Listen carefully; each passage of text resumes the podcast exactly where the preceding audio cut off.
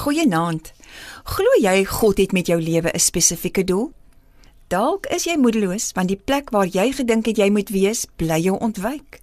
Miskien dink jy jy het erns dinge verkeerd gedoen, daarom kan God jou nie gebruik nie. Jy wonder dalk selfs of God van jou vergeet het. Jy mag dalk dink jy het God teleurgestel. Byvoorbeeld, ek het altyd geglo ek gaan enige predikant word. Vroue was toe nog nie in die kweekskool toegelaat nie en toe word ek 'n onderwyseres.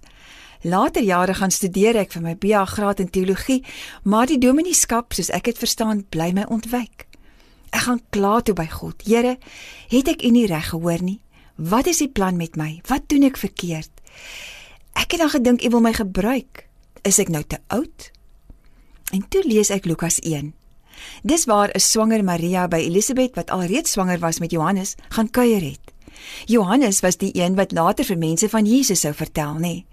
In vers 44 en 45 sê Elisabet vir Maria: "Weet jy, die oomblik toe ek jou stem hoor, het die kindjie binne in my van vreugde opgespring.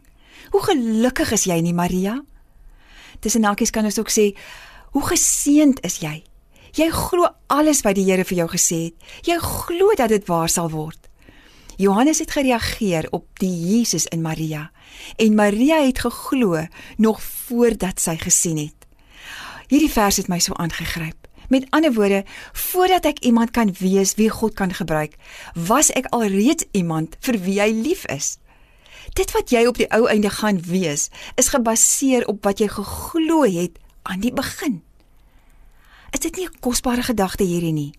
Glo jy jy te veel sonde of jy's te arm, te lelik, te vet, te oud? Of glo jy jy is geseënd, jy's geliefd, jy's uitverkies, jy's spesiaal en jy's met sorg gevorm? Die psalmdigter sê, "You are fearfully and wonderfully made."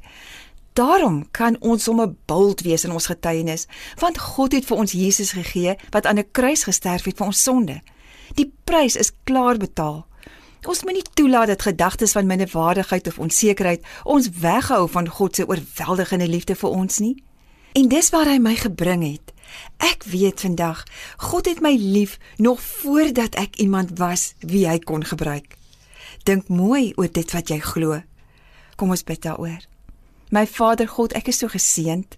Versterk asseblief my geloof in die wete dat U my liefhet en my help om dit uit te leef.